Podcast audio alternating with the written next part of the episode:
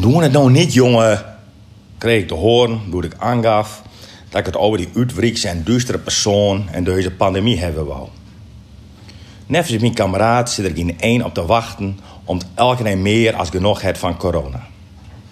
En daarna wat, zo gong je verder. Dat is dus niet een steen durre ruten hebben of aans vol vorft met leuzen. Ik schrok al even. Maar skokskouderend gaf ik aan dat het vast zover niet komen zou. Kijk, elkeen mag zelf bepalen of hij of zij gevaccineerd worden wil. Laat elkeen eens zien of er eigen weren. Maar ik heb geen goed woord over voor Willem Engel, door mij ook wel Willem Duvel noemt, en Thierry Baudet. Ja, ik sla het advies van een kameraad in de wien. Ik moet het gewoon kwijt. Want waarom komen zij er in de goedigheid altijd en overal met weg? Waarom krijgt zij een podium? Deze volksmennis rijden de boel op. Ik begrijp werkelijk niet waarom er niet ingrepen wordt om deze halve Mali de mond te snoeren.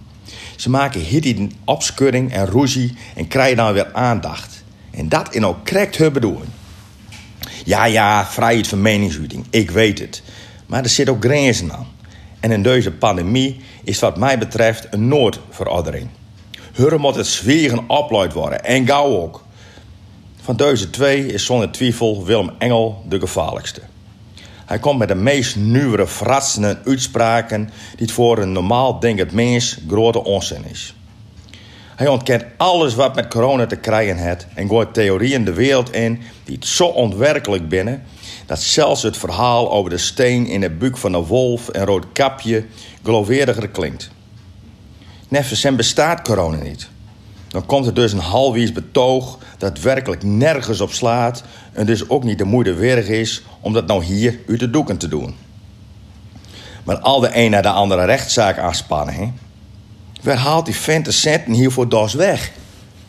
Maar Engel, wat zou er dan al aan de hand wezen? Dat er zoveel mensen dezelfde ziekte hebben en daardoor de ziekenhuizen al een stuk met een jaar vol leggen? Je mag het niet zeggen en daarom fluister ik het nou even. En als hij nou zelfs corona krijgt, wat zou je dan nevens hem hebben? En als hij slimmer ziek wordt, zou je dan nacht ontkennen dat het er is? En zou je dan naar al te graag opgenomen worden willen in het ziekenhuis? Ontkennen dat corona niet bestaat, kan dan niet meer. Maar ja, dat geldt voor mensen die het al deugen. Zo, dit moest ik even kwijt. Dit lucht op. Oh, is zo? Voordat het weest, gooit hij naar deze column die een adres met pascode online. Krijg wat die lessen met Sigrid Kaag deen het. Oh, laat ik hem dan maar voorwezen.